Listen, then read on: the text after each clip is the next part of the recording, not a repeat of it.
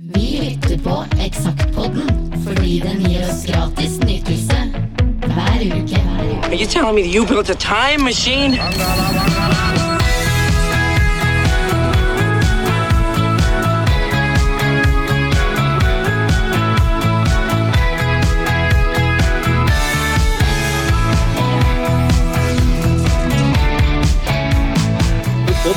Sett på den andre sida her, men jeg har aldri visst hva det var der. Eksakt som det var. Sånn var det. Ja. Eller det skal vi jo for så vidt finne ut nå, hvordan det var i oktober i 2004. Det er, eh, her står det da gratis nytelse nummer eh, 99, oktober 2004. ja.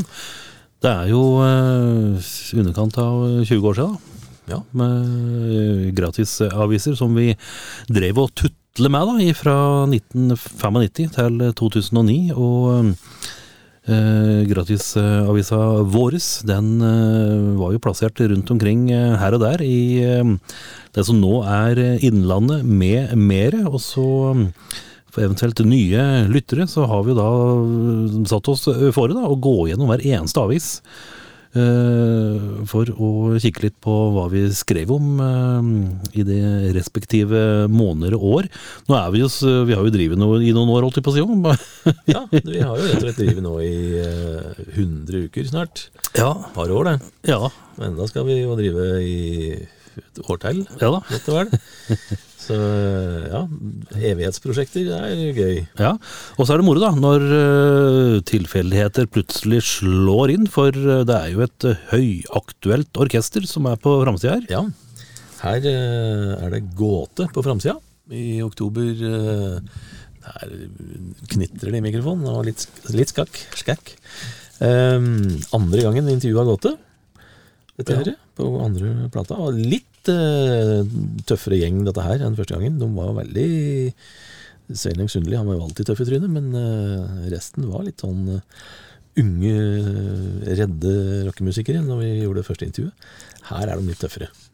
Ja, Sveinung Sundli, Sundli, Sundli har òg fjernet manken, så han ser ekstra grim ut. Da. Den står skallete og ser olmt inn i kamera. Ja, det ser ut som han sier 'jeg skal fly på deg'. Ja, det gjorde han kanskje òg på den tida Det der. kan hende rett som det var. Eh, og Gunhild Sundli hun så jo ut som eh, skogshulder. Eh, det gjør hun for så vidt fremdeles, men ei voksen skogshulder nå. Ja, Eh, Sjøl om folk kanskje hører dette om fem år og ikke skjønner en puck av hva vi sier nå, så eh, gjorde hun jo en fantastisk jobb i Grand Prix-semifinalen nå. Så vi Ja. får håpe at, eh, håpe at Gåte rett og slett blir eh, bandet som skal representere Norge da, i eh, Melodi Grand Prix. ja. Og det vi ser på eh, Eurovision heter det. Eurovision er i, i Malmö ja, i, i mai. Det er jo nærmest den, skal vi si, den klassiske gåtebesetninga som vi ser på framsida av Eksakt fra 2004, og de som er igjen nå, det er jo da nevnte Gunhild Sundli og gitaristen Martin Børmerk, nei, Robert Bø- Børmark? Magnus. Magnus, var veldig nære. Svært nære. Magnus Børmark. Magnus Børmark, det er noen to som er igjen fra gammel, gammelvern. Ja, det er det. Så eh, ja, vi eh, spurte jo godt hva nå, og fikk svar. Skal vi komme tilbake til. Ja. Her er det da svart-hvitt bilde, men grønn, fin heading. Eller er det brillene mine som er grønne? Nei da, Den er, eh, den er fresh og Og så plutselig litt fresh og sånn, grønn. litt sånn møkkete grå ut. Ja, nei, da, den er veldig sånn eh, litt sånn uh, villmarksbutikk-grønn. Ja, er, eh, det, vi, vi har jo litt trening i dette her, at farger blir annerledes på avistrykk enn det det ble, eller var, når vi satte det opp på en datamaskin. Ja. Og ettersom uh, gjengen i Gåte de stiller jo bærefødt, og det er mulig at enten så er bildet slik, eller så har uh, grønnfargen liksom tatt en liten vandring, for de ser ekstra skauaktig ut med litt sånn smågrønne bein. De ser smådaue ut, rett og slett. Ja. Litt sånn blå, eh, lysegrønn. Så rett ifra myra. Ja. Men tøft, eh, tøft bilde. Tøft bilde, absolutt. Og de som eh, ser på dette her på YouTube, de kan jo da òg se coverbildet. Ja. Eh, på eh, kolofonfronten så er det intet nytt under solen, eh, for så vidt. Det er mye av samme gjengen som har laga avis veldig lenge nå. Da med deg og meg i uh, midten, holdt jeg på å si, og Kai Svenskerud, Jarle Neråsen, uh, Petra Slømer, Nils Mork, Lars Flatberg og Terje Kleven Trelvik som bidragsytere. Folk kom og folk gikk, men vi beholdt jo en uh, liten kjerne nesten hele tida. Ja. Og vi må jo skyte inn, da, for eventuelt eh, fortsatt nye lyttere, så eh, ligger jo alle episoden eh, fra utgave nummer, nummer null, kan du si. Vi hadde en liten sånn Ja. tjuvstart-episode. Vi måtte jo unnskylde oss sjøl litt og forklare hvorfor all verden gjorde dette her. Ja, og alt dette her ligger på Spotify, og der er det òg et drøss med artige gjester. Både tidligere eksakte medarbeidere, vi har eh, intervju med kjentfolk som vi har eh, intervjuet opp gjennom eh, tida. Aslag Haugen fra Hellbillies er med, Ronny Tekerø, vi har eh, Nils Harald Mælum, vi har eh, kara i mm, Conception. eh, Eh, Vi fikk til og med Frank Hammersland bare ja, et par måneder før han gikk bort. Så mm. veldig fin prat ble det med den trivelige bergenseren. Så Det er bare å gå inn på Spotify og lete opp eksakt sånn det var, og gå gjennom lista. Begynn på begynnelsen om du orker. Ja, og som uh, avisa så er ut en favoritt da, en favorittgjest. ja, og som med avisa så er selvfølgelig det gratis å lytte på uh, dette der. Helt gratis. Uh, her er en annonse. Først på side to her. Desert Punk. Det er en butikk som vi husker godt. Mange som var glad i litt sånn diverse lær og nøgler og merchandise-ting fra band. Der var det mye av der borte på Hamar. Den er vel borte helt? Er ikke Det vil jeg tro. Ja. Ting er på nett nå, rett og slett. Ja. Alle mulige sånne ting er nettbutikker. Ja. Trist nok, for det er litt moro å gå i en sånn butikk og se på litt artig stæsj. ja, for den Så eh, stas, og så ser jeg på det på bilder på nett. Ja, for dette var jo butikker som uh, gønner på litt og hadde litt uh, friskt eh, vareutvalg. Ja. Var det de som hadde Det var ikke de som hadde vikingsverd og alt mulig ting? Var det Det var vel en annen butikk som drev med litt sånn middelaldergreier og vikinggreier og sånt. Ja. Men de øh, Jeg vet ikke om de samarbeida, men de, de hadde vel mye av samme publikum, i hvert fall. ja. Når vi blær videre her, så ser vi at eh, vi, vi hadde jo konkurransen vår der vi delte, delte ut filmer og sånn, men her var vi òg da litt freshere etter hvert og begynte å dele ut eh, konsertbilletter. Så her har vi en konkurranse der du kan vinne to billetter til eh, konserten med Gåte, og med konserten, eh, konserten med John Doe. Så der var det jo noen heldige vinnere som, eh, som fikk. Det får vi håpe. Ja. Um, ja Her er det ikke så mye preik, rett og slett. Ehm, der hoppet det rett og slett glatt over. Ja. Det var ikke rare greiene. Eh, folk på gata der eh, Her hadde vi tydeligvis ikke noen utplasseringselever fra verken videregående eller eh, noe. For her var det jeg som har plaga folk i butikker og rundt for å få svar på noen spørsmål eh, fra folk på gata. Ja, temaet er eh, shopping, og det står her da at høsten den er en høytid for alle som finner trøst i shopping. Med nyheter på motfronten, nye trender og fristelser i lange baner, kan mørkedag fort bli dyre opplevelser. Hva slags syn har folk på shopping? Er vi så uansvarlige som det kan se ut til? Og her er det spørsmål. Hva er shopping for deg? Hva er det villeste du har gjort på en shoppingrunde? Eventuelt beste eller dårlige kjøp? Og ifra 2004, hvor mange aktive visakort tror du finnes i Norge og på verdensbasis? Det er jo freske spørsmål. Det er jo Det var vel sikkert eh, i hvert fall én million. Sikkert to millioner kort i Norge og en milliard på verdensbasis, sikkert. Ja, I hvert fall. vi kan jo se på, på spørsmål nummer to, da. Hva er det villeste du har gjort? Uh, uh, skal vi se. eh, Hege, student fra Lillehammer, hun sier at det må være en gang jeg var i den samme butikken i tre timer og handlet masse. De trodde nok jeg hadde pappas kredittkort. Det kan, eh, det kan være. Ja, jeg hadde tydeligvis ikke det, da. Ja, litt mer moderat er det Thea. Hun var her eh, 19 år og presseansvarlig for Siabalba på Hamar. Jeg har nettopp kjøpt meg en Siabalba hettegenser. Det var hennes villeste eh, shopping spree. Det var det villeste hun kom på, ja. Eh, og så var det Kine fra Lillehammer her. eh, og det villeste hun har gjort, var å ta med seg tolv plagg inn i et prøverom på en gang. Eh, det får du vel ikke lov til lenger? Sånn- Tolv hørtes mye ut. Tolv, eh, da driver du der ei stund. Er det Tolv sånne parkaster? da blir det trangt innpå Men Fredrik fra Lillehammer eh, har en fresk eh, Det villeste jeg har gjort, var å handle klær til 50% rabatt utenom salg. Ok? Har ikke opplevd så veldig mye ville saker da. Nei, da Det var jo heldig som snubla over den, da. Eh, Sina, som er skoleelev, hun er bare 14 år, da, så det er kanskje forståelig svaret hennes. Det villeste hun har gjort, var å bruke 4000 kroner på under en time. Det er jo litt når du er 14, da. Ja, fy søren. Så um, ja.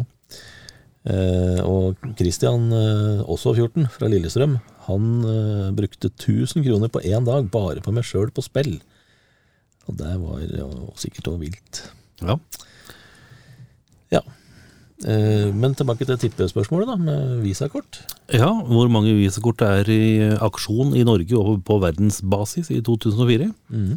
Per 1. september i det året så var det det Skal vi se, vi må jo få noe svar her da først. Eh, Fire millioner i Norge og 5,3 milliarder på verdensbasis. Er en, tipp, en, en tipp her? Ja, så, så alle har ett kort hver seg. ja, på verdensbasis var det kanskje litt mye. Eh, men det går at dette her med fem og fem, da. Fem millioner og fem milliarder er det et par til som har vært. Eh, igjen Sina, skoleelev, hun tipper òg fem millioner i Norge, men på verdensbasis er det fryktelig mange, tipper hun da, og det er jo riktig. Ja, det var riktig. Eh, 1,5 milliarder på verdensbasis er et forslag. Eh, og det enkleste, korteste svaret her var fra Morgan eh, fra Hamar. Han eh, bare svarte det er shitloads. ja, som òg kan bety mange. ja. Så 1. september 2004 så var det 3,4 millioner visakort i Norge, og det var 1,1 milliard bare på verdensbasis, faktisk. Stemmer. Hvor mange var det i Norge, sa du? 3,4 millioner. Oi. Hvor mange er det nå, tror du? Det er nok noen flere. Det er litt flere. Mm. Eh, er kanskje på en fem millioner nå. Okay. Det er mange som har flere. Mm. Så de var ikke sånn helt uh, borti skauen, da, på forslagene sine her. Så har vi uh, gåteintervju her. Um, og det er jo, som det står i ingressen, da, at gåta er gjenstand for store forventninger med andre albumet. Fem unge mennesker som har tatt tak i våre musikalske middelaldertradisjoner. Med en slik kraft stiller seg laglig til for hugg. Ja. Der gjorde de jo, men de fikk jo stort sett bra anmeldelser hele veien eh, i andre runden òg. ja, absolutt. Veldig, veldig bra, bra plater. Nå er de jo litt i trøbbel, da, for de har jo de har jo dristet seg til å bruke en sangtekst som er over 1000 år gammel, og, da, Ja. og det er plagiat. Så da må de forandre teksten på, for å komme videre i Grand Prix. Så det er ikke bare bare. Men hva med alle sånne folkemusikktekster og sånt, da, som er noen hundre år gamle? Ja, det kan du si. Det er mulig er at det på folkemusikken, da. Ja, det er, det er mulig at det er øh, At det er Grand Prix-opplegget. At de da øh, må, må lage det sjøl. Uansett. Det er vel noe med det der, ja. Ja ja, men det er vel ikke verdens eh, største utfordring for Gunhild Sundli, egentlig, å lage en tekst som ligger i samme leie, landskapet. Nei da, vi skjønner ikke hva han sier, sier det allikevel. Så det er jo Det jo Det er noe hulder og heks og skog og sånn, og så Ja da, fin musikk til. da er det bare å gønne på. Så funker det, det. Mm. Eh, men det var en, eh, en litt mer eh, Litt mer offensiv gåtegjeng da, som jeg møtte andre gangen enn første gangen. Første gangen så satt vi på et bord på sommerstid utafor Warner Music ved Akerselva, husker jeg. Og da var det jo stort sett Sveinung som sa noe særlig. Alle var hyggelige og unge og uerfarne og veldig stille og snille. Andre gangen så var de litt mer på, og alle hadde lyst til å komme med sitt og kommentere litt og være med litt. Så et av de intervjuene som, som du etterpå prøvde å huske hvem som har sagt hva. Ja, sånn, ja. ja.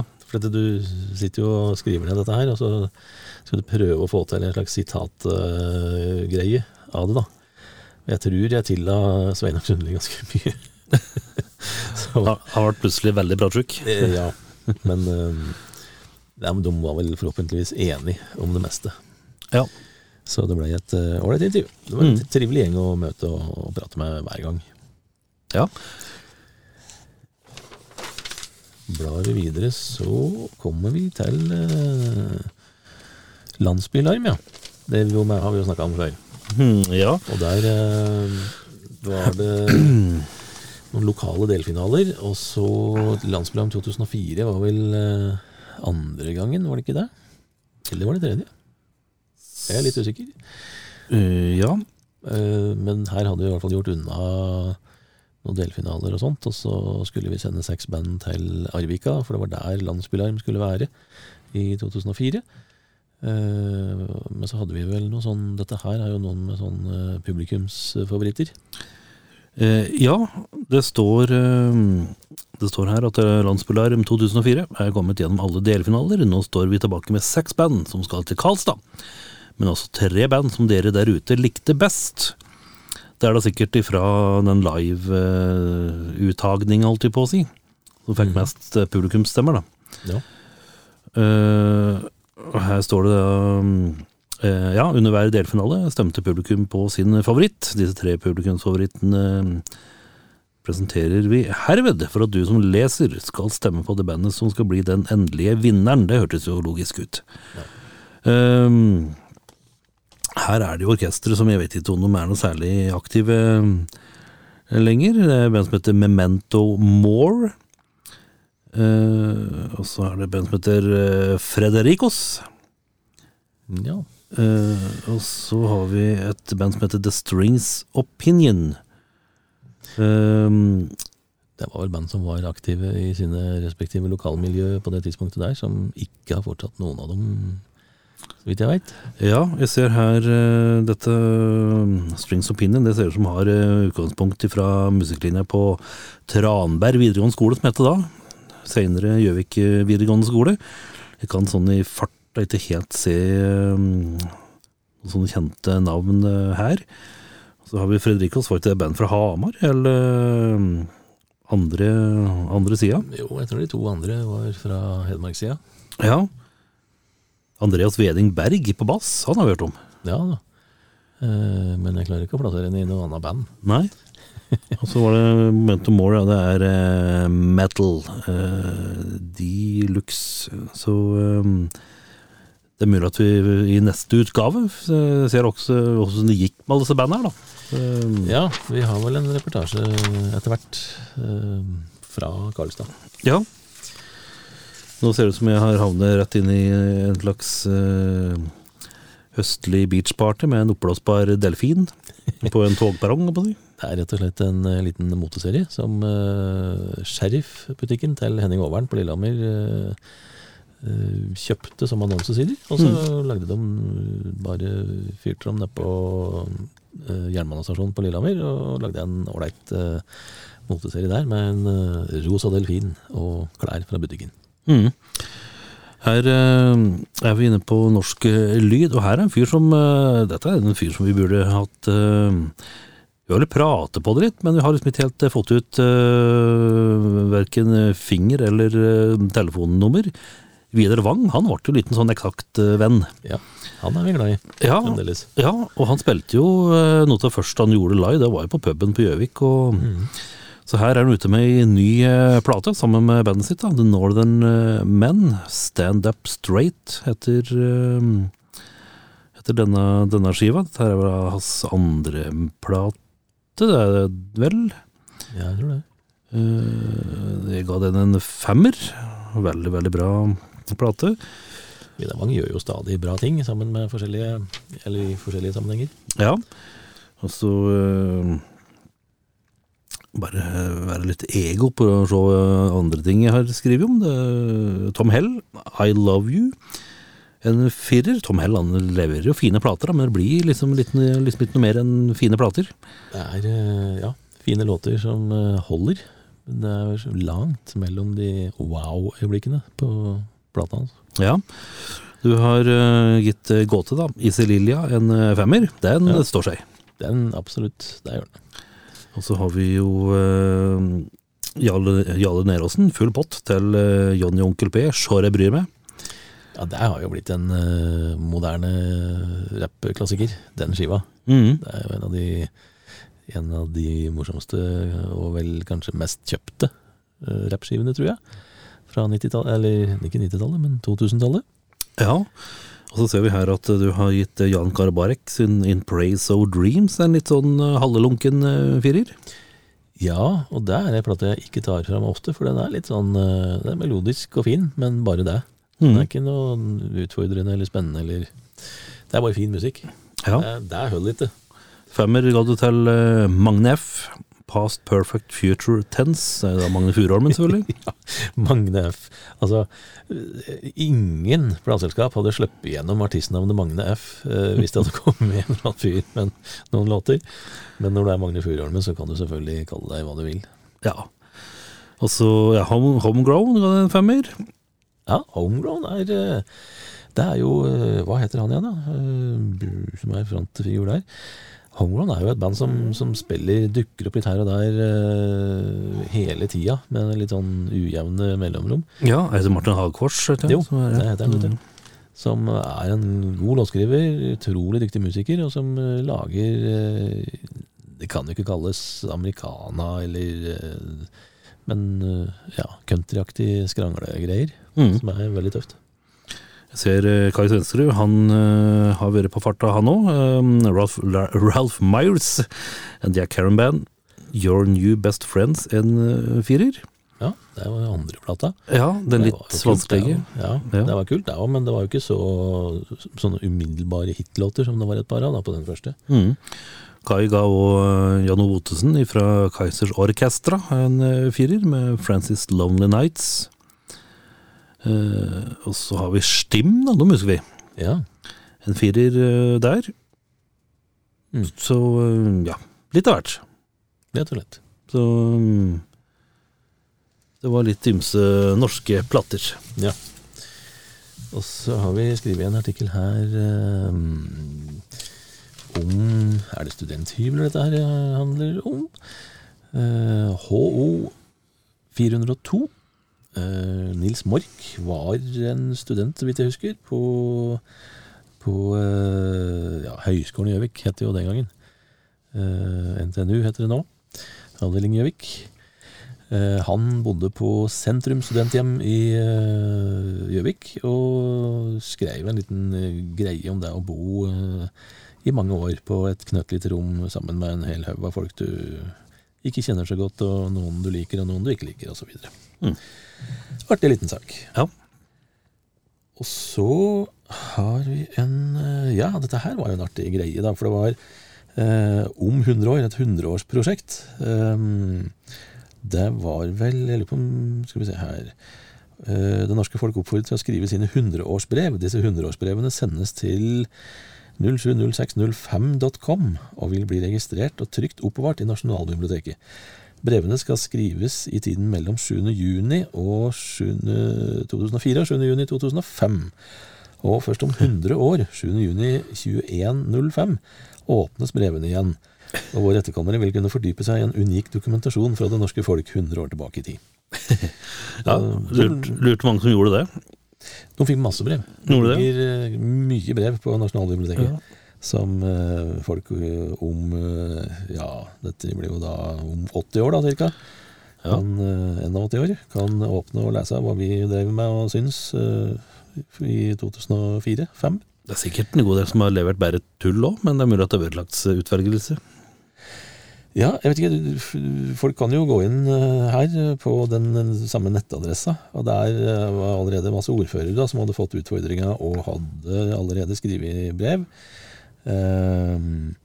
Og de kan da leses på Det er jo rart at du kan lese brevene på nett når de skal ligge der nedlåst i 100 år, men det er sikkert bare et lite utvalg, da. På uh, www.070605.com. Der ligger det masse brev. Skal vi se om det funker? Vi, vi kan jo se om det Sjekke om det ligger noe brev der. Just for fun. Om det er noen ordførere som da For du sa, sa du at eh, null 070605. 070605.com. Ja. Da skal vi få opp noe brev fra noen ordførere, visstnok. Som er en del av hundreårsprosjektet. Og det er Ja. Nasjonalbiblioteket som satte i gang det prosjektet her, da. Her er jeg nok inne på eh, noe som heter baidu.com, kom jeg da, og det er noe Baidu? Ja, dette ser ut som eh, artige varer fra Østen. Ja, det er litt i mett eh, kinesiske tegn, og, eh, og eh, sikkert noe du kan eh, kjøpe. Hvis du prøver 070605.no, da, kan det endre seg? 070605.no. Siden det er Nasjonalbiblioteket som driver med ting, så burde det jo egentlig være Der var det jo ikke noe. Nei. Nei, Nei da, men det var jo verdt et forsøk. prosjektet gikk i dass, Det gjorde heter. det. Da får vi vente i 80 år til, da. Så får vi Vi vil se om det faktisk er noen brev på Nasjonalbiblioteket. Ja, jeg har ikke sendt inn, så Vi får ringe og høre med Aslak Sira Myhre om uh, han har Ja. noen brev liggende i en eske. Der man har om det går an å få en liten sånn prøve Liten sneak peek der. sneak peek. Nei, mm, går vel an, hvis det ikke er eh, sterkt hemmelighetsbelagt. Det er det nok. Uh, her har vi skrevet en sak om interiør, eller uh, ja, inspirasjon i høstmørket. Når høstmørket smyger seg på, og det blir surt og kaldt, regn og blåst, kryper de fleste av oss inn i vår lune hule. Vi har besøkt et hus noe utenom det vanlige, og her er litt små og store tips for de som vil finne på noe nytt i eget hi. Og så er det stort sett bilder av tak. Ja. Um, ja. Det er uh, Aino Nettum som har skrevet en sak om da, det å pusse opp litt. Og, og uh, har besøkt et litt spesielt hus uh, som lå i tettstedet Grums ved Karlstad Grums. i Sverige. Eh, og der bor norske Arild Viken. Eh, og har en gang i året da noe han kaller for Kulturhusets dag. Han kaller huset sitt for Villa Tomtebo. Og har masse kulturting der. Så det gjorde vi en sak på. Ja. Og så gjorde vi en sak på Monolov for tre. Hva nå det for noe? Det er jeg som har skrevet den, men jeg husker jo ingenting av den saken der. Eh, ja, ikke sant. Det er Ja, ja, ja. Uh, Efemera-intervju er det, rett og slett. ja. De var jo på hugget, da. Ja, og de eh, på det tidspunktet her, på den plata her, da, så hadde de starta sitt eget plateselskap, for de var litt lei av hele bransjen. Uh, og starta Ephemera Records, som ga ut uh, plata Monolove. Så eh, som jeg skriver i ingressen her, så har det jo etter hvert blitt mye mas om jentene i musikkbransjen. At eh, de har klart å gjøre butikk av Efemera, og at det bare går oppover for dem hele tida. Så øh, ja Der var en Jeg husker ikke så mye av den praten her, altså, det intervjuet her. Men de var jo alltid koselige, de. Og er alltid koselige når man møter dem. Mm. Så de var veldig med godt mot, i hvert fall, når de hadde starta sitt eget plateselskap. Og tjente vel litt mer penger og gjorde det som de vil, ville. Litt mer, Mm. i hvert fall. Vi, du anmeldte plata. eh, Ja. Monolov til en firer. Ja. Husker du den?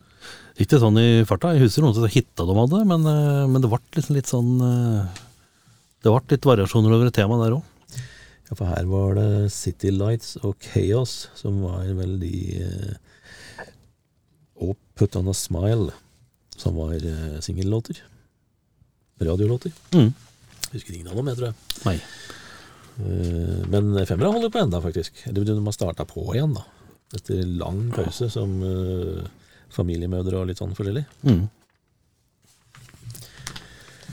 Så er det utenlandsk lyd. Her eh, bare brenner jeg løs på min eh, topp tre. Uh, Stefan Sundstrøm hørte jeg mye på. 'Hjertats melodi'. Ja, det er en tøffing. Mhm. Og Gåte, selvfølgelig. Easy Lilja.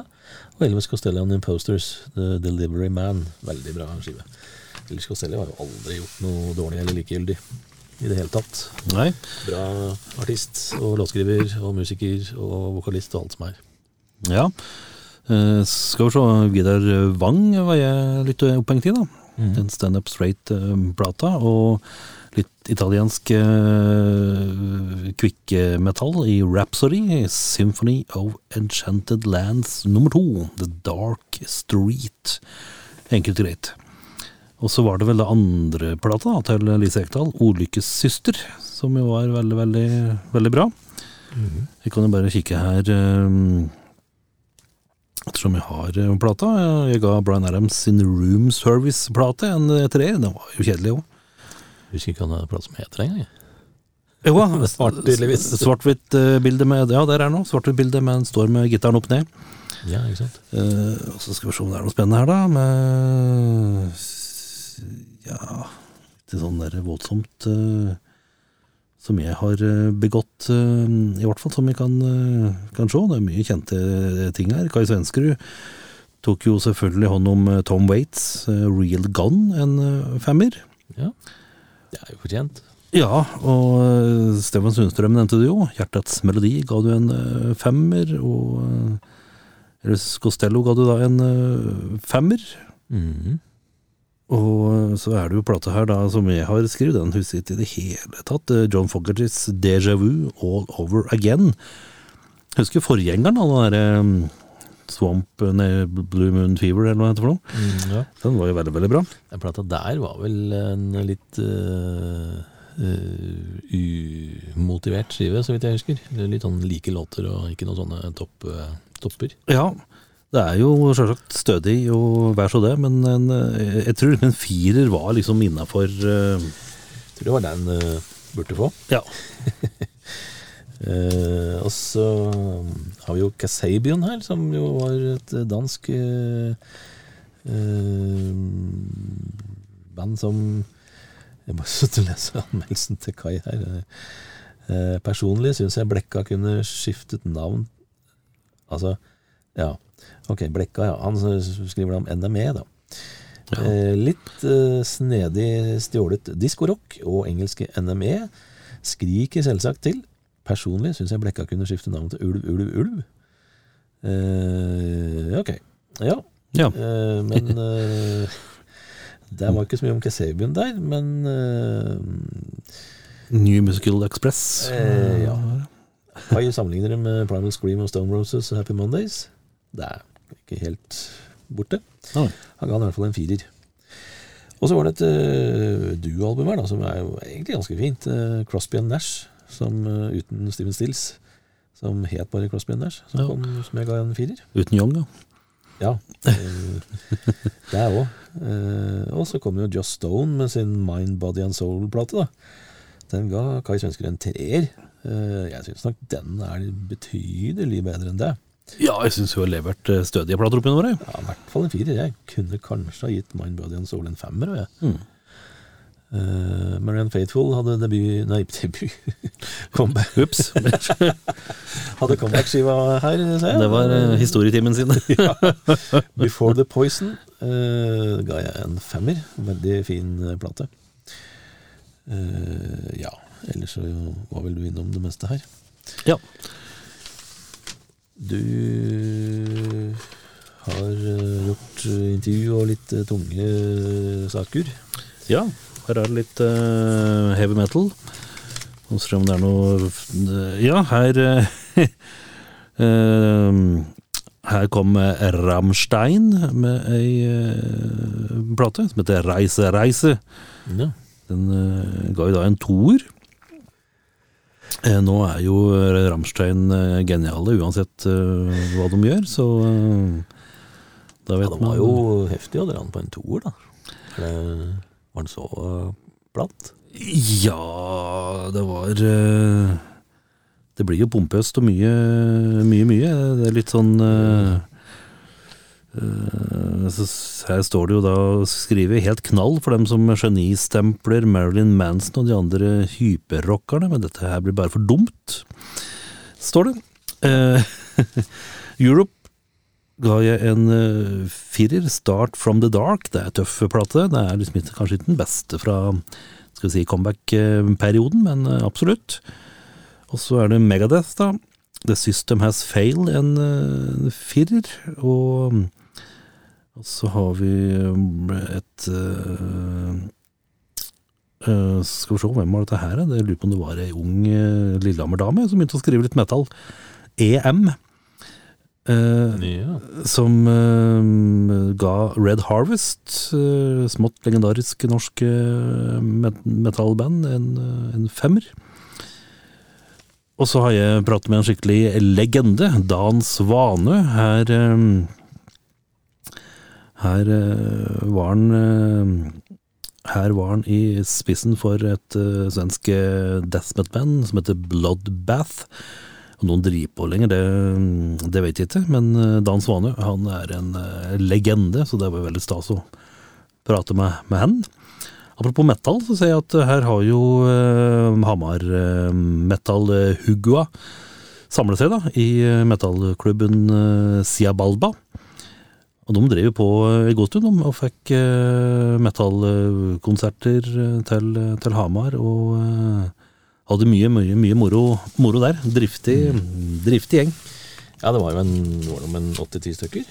Ja, en god del, altså. Og det var jo eh, Det var jo eh, særlig Kent Frydenlund, som kanskje mange har eh, sett rundt omkring som eh, lydmann. Jobber jo annet på Kulturhuset på Hamar som fast lydtekniker, og er mye, mye rundt. Han var jo en av trådtrekkerne der, sammen med, med flere, selvfølgelig.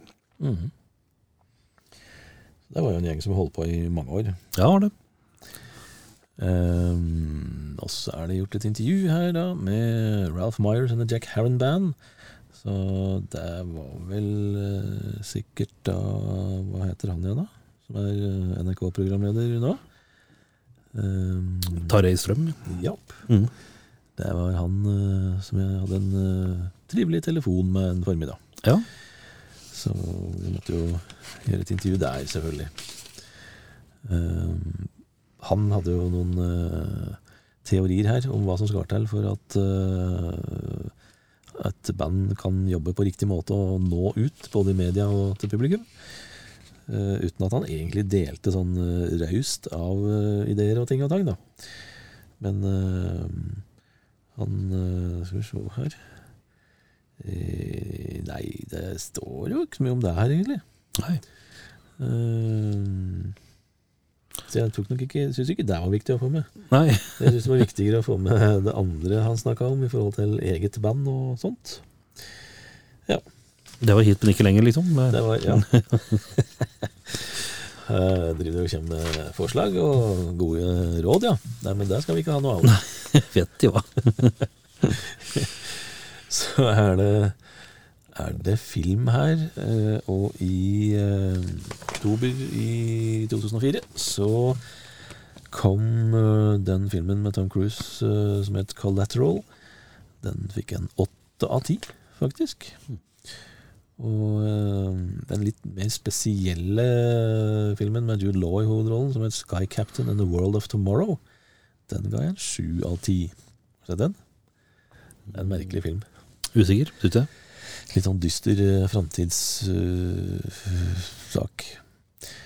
Eh, men så hadde vi jo den eh, Walter Salles, regissørlegende, sin film 'Motorsykkeldagbøkene', som jo fikk både Oscar og massevis av priser. Ja, det var fint. Med Joel Garcia Bernal, sånn cirka. Ja, Og Rodrigo de la Serna i hovedrollene. fin, da. Meksikansk, eller noe? Eh, argentinsk. Argentinsk, ja.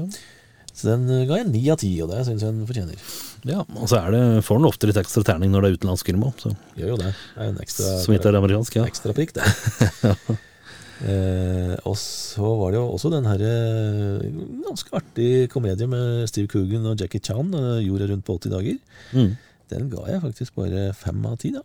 Halv flesk. flask. Eh, men det gikk verre med Kim Basinger. Skulle prøve å komme tilbake da som eh, kul skuespillerinne her i 2004. Det er faktisk 20 år siden.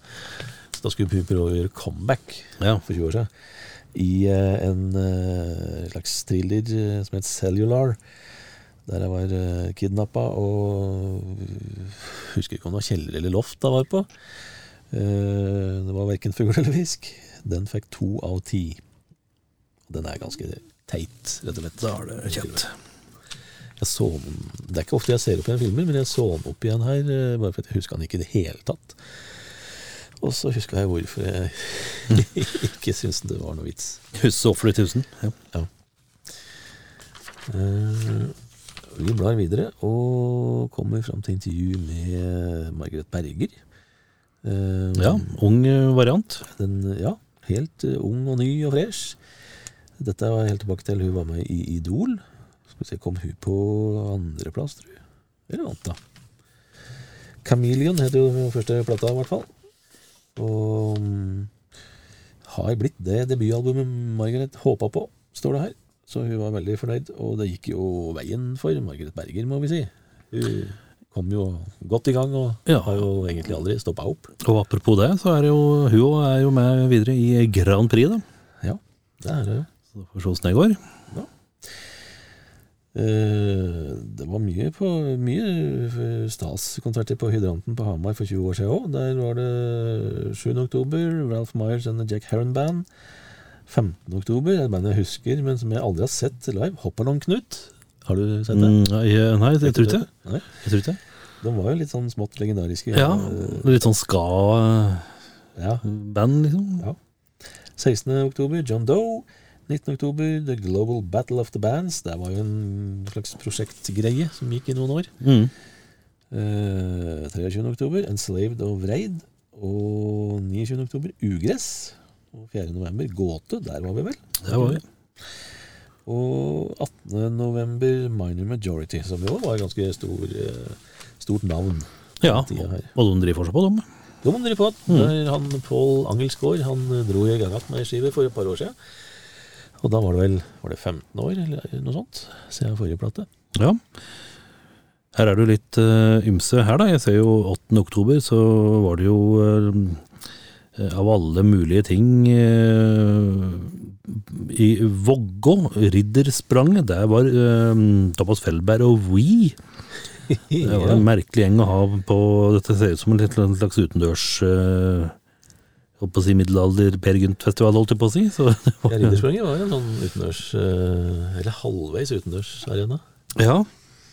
Og så har vi jo veldig mye som skjer på Kulturhuset Banken her. Da. Det er jo blant annet Bugge Wesseltoft øh, var på plass 7. oktober. Og, og litt senere så var Bokkeredars bluesband med Mike Gallagher på, på Kulturhuset Banken. Dadafoen var på bingoen på, på Lillehammer. Var ikke vi der? Det kan demre at vi kanskje var der. Lurer på det. Og så var jo eh, eh, Solveig Slettahjell og hennes Slow Motion Quintet. De var på banken eh, blaps 16. oktober. Ylvis, de var i gang her. Ja. Her var de faktisk eh, Her står det brødrene Vegard og Bård Ylvis-Hokker har de siste fire årene sjarmert folk i senk med sine fantastiske Ylvis-forestillinger. De var da i Gjøvik olympiske fjellhall. Om det var Fjellhaven eller Fjellhallen, det skal være usagt, men da har de drevet lenge, altså. Sikkert haven. De har jo det, og de, de dukka jo opp først i det eh, TV-programmet til Rune Larsen. Og Ja, så. så begynte med egne greier og turnerte med, i litt sånn konsertformat. Lenge før de begynte med noen TV-serier. Mm. Her er et eh, band som jo var eh, litt sånn små småhot en stund. Her spilte hun på Grotta pub eh, på Hamar, Kite. Ja, det var jo et veldig hipt og kult band som spilte mye på Hedmarkssida. Mm. Og som så vidt kom seg over, i hvert fall én gang, husker jeg, på, på, på puben på Gjøvik. Ja, Men det skjedde faktisk 30. oktober. Ja, sant? Jeg tror ikke de kom seg til Lillehammer noen gang. Der var det vel ikke så eh, stor interesse for rock. nei, men jeg husker at de var veldig eh, Veldig, veldig på, altså. Så eh, De satsa friskt. Christian Lillian var med der. Ja, mulig. Og var en propell. Ja. 29. oktober i Maihushallen på Lillehammer. Åge Aleksandersen sammen med Vingrom sangkor. Det var nok en fin kveld. Ja, dette her, eh, sånn midt på 2000-tallet, var vel en periode der eh, Åge Aleksandersen ikke jobba noe særlig med Sambandet, og hadde en litt sånn down-periode, rett og slett. Mm. Før den ble tøff, litt tøff att. Eh, så nevnte du eh, We oppi Riddersprang der, Ja. De var jo på turné, tydeligvis, for de var både på Huset på Gjøvik eh, 30. oktober, og sammen med Bronco Busters og The Rascals på Felix på Lillehammer den 4. november. Eh, og så var uh, eh, Renarok eh, var jo en årlig greie en periode. Der gikk av stabelen på Åmot kulturhus den 30. oktober. Finn Kalvik han hadde en konsert, en visekonsert i eh, Gjøvik olympiske fjellhall eh, 31. oktober. Ja. Jeg lurer på om vi eh, ikke, men, eller jeg ikke, men du kanskje? Jeg tror vi var det for Oppland Arbeiderblad, Ja. og da jeg lurer på når var den konserten her, eh, for da fikk jeg mail til han. Da var han sur, Ja. for eh, jeg drister meg til å til å kommentere at kanskje gitarspillinga hans hadde kanskje vært litt mer smoothere før. Men da fikk jeg beskjed om at det var ikke tilfellet, men det var kaldt. Så derfor så hadde han litt Det var trøblet kaldt, med å bevege fingra. ja. Det er for så vidt sant, det. Um, ja. Så da vet man det. Så Men det er sjelden at en får liksom, mail fra bandene sjøl, liksom. Det er sjelden, altså. Det er, eh, Jeg så du skrev at. ja, det er som regel eh, noen som har noen de har fått dytte foran seg til å, til å sende, men eh, det gjorde den sjøl, gitt. Ja, akkurat i forhold til å opplyse om kalde fingre, så var det vanskelig å få noen til å si det for den. Ja, jeg måtte jo få en sånn der slags eh, bookingmann til å Ja. Vi har hørt ifra at Det gjorde det, altså, i 2004. Der uh, var Karin Krogh uh, den som åpna festivalen. Eller altså med sin konsert, da. Alle norske vokalisters mor, har vi skrevet her. Uh, ja. Så ellers så var det Skal vi se Står det ikke noe særlig om hvem som var med ellers under In the Country var der. Det var det som står her, egentlig, om Dølhas. ikke rare eh, Vi skrev en del om det, men ikke så mye om hvilke artister som kom. Nei. Ja, ja. Eh, Voices var i hvert fall tema for Dølhas i 2004, så det var vel eh, mye vokalister, og sikkert kvinnelige vokalister. Ja. Der, da, vil jeg tro. Så har vi òg gjort intervju. da Du har gjort intervju med Vidar Wang. Ja, Uh, som sagt, han var eh, Han frekventerte spaltorna. ja, han gjorde det. Husker du noe av intervjuet?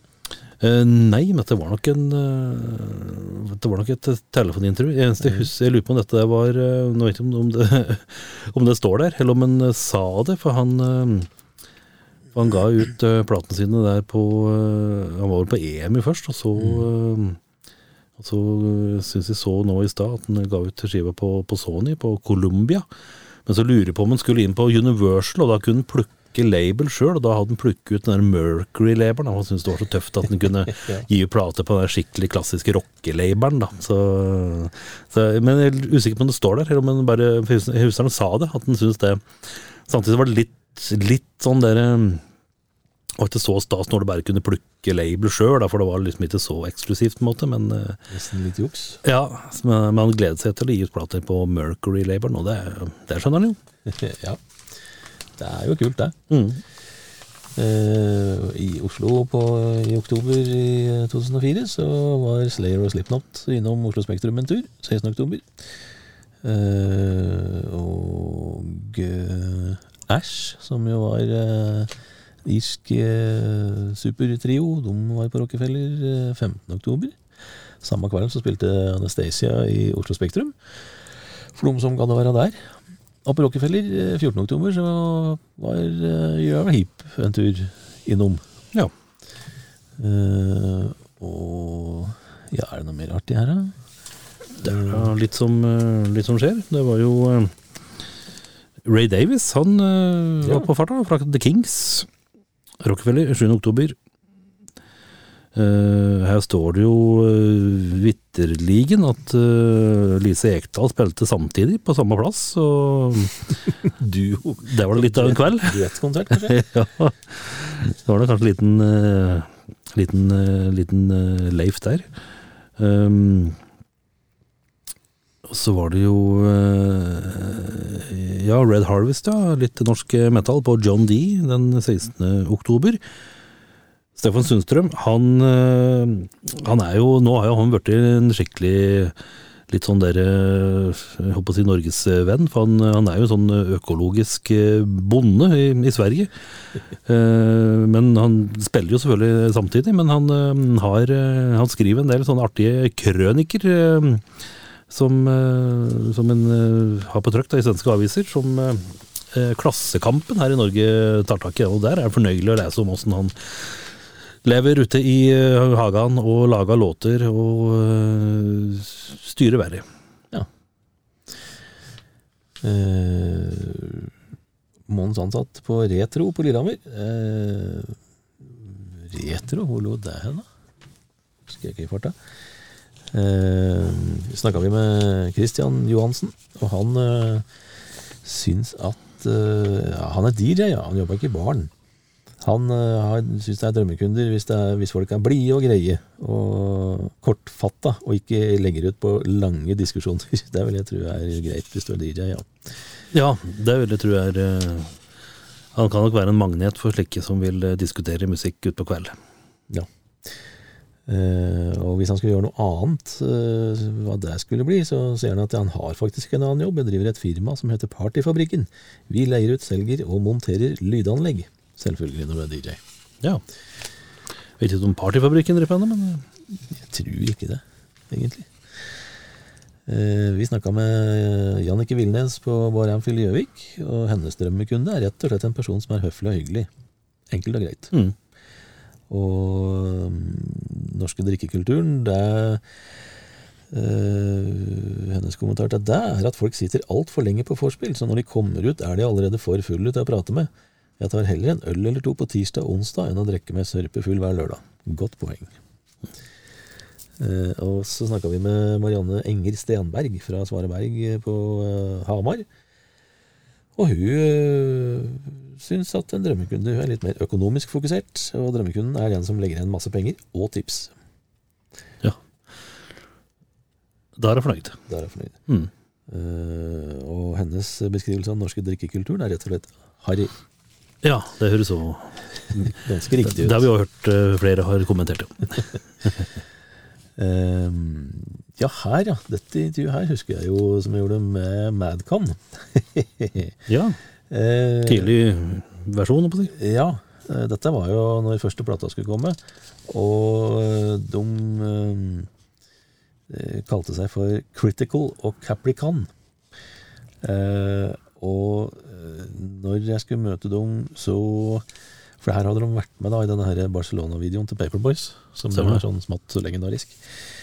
Eh, Josef heter jo den ene av dem. Eh, det var han jeg skulle møte og prate med. Og han, eh, Først så kom det tre-fire afrikanske og asiatiske kvinnemennesker og eh, satte seg ned ved bordet. Ok. eh, Og satt der og så så dumme ut, for å si det enkelt. Og så gikk det en stund, og så kom han. Så han hadde sin lille entourage allerede da. Ja, Og gikk i sånne slags pelsjakke og sånn. akkurat. Så han kjørte en stil på en måte på dette her. Da.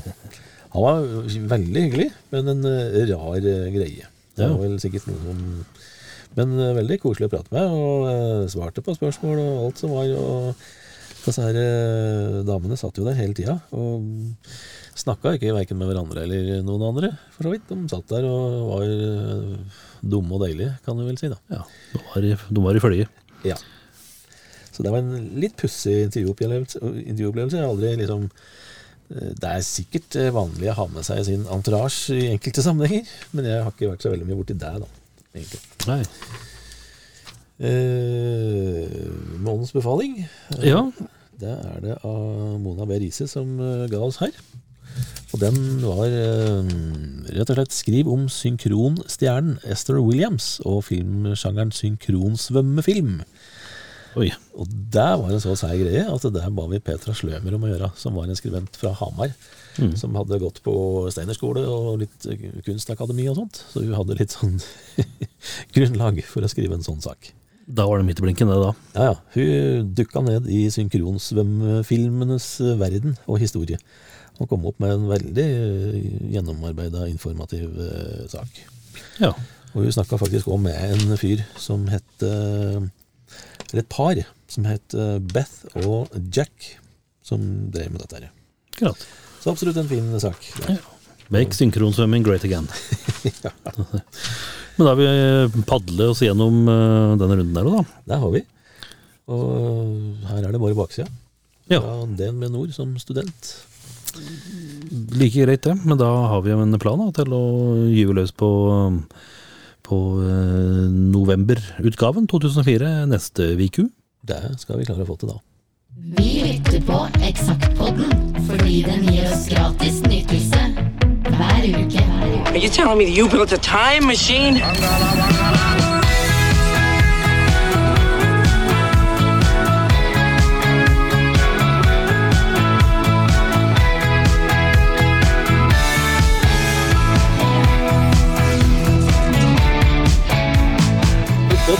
Sett på den andre sida her, men jeg har aldri visst hva det var der. Eksakt som det var.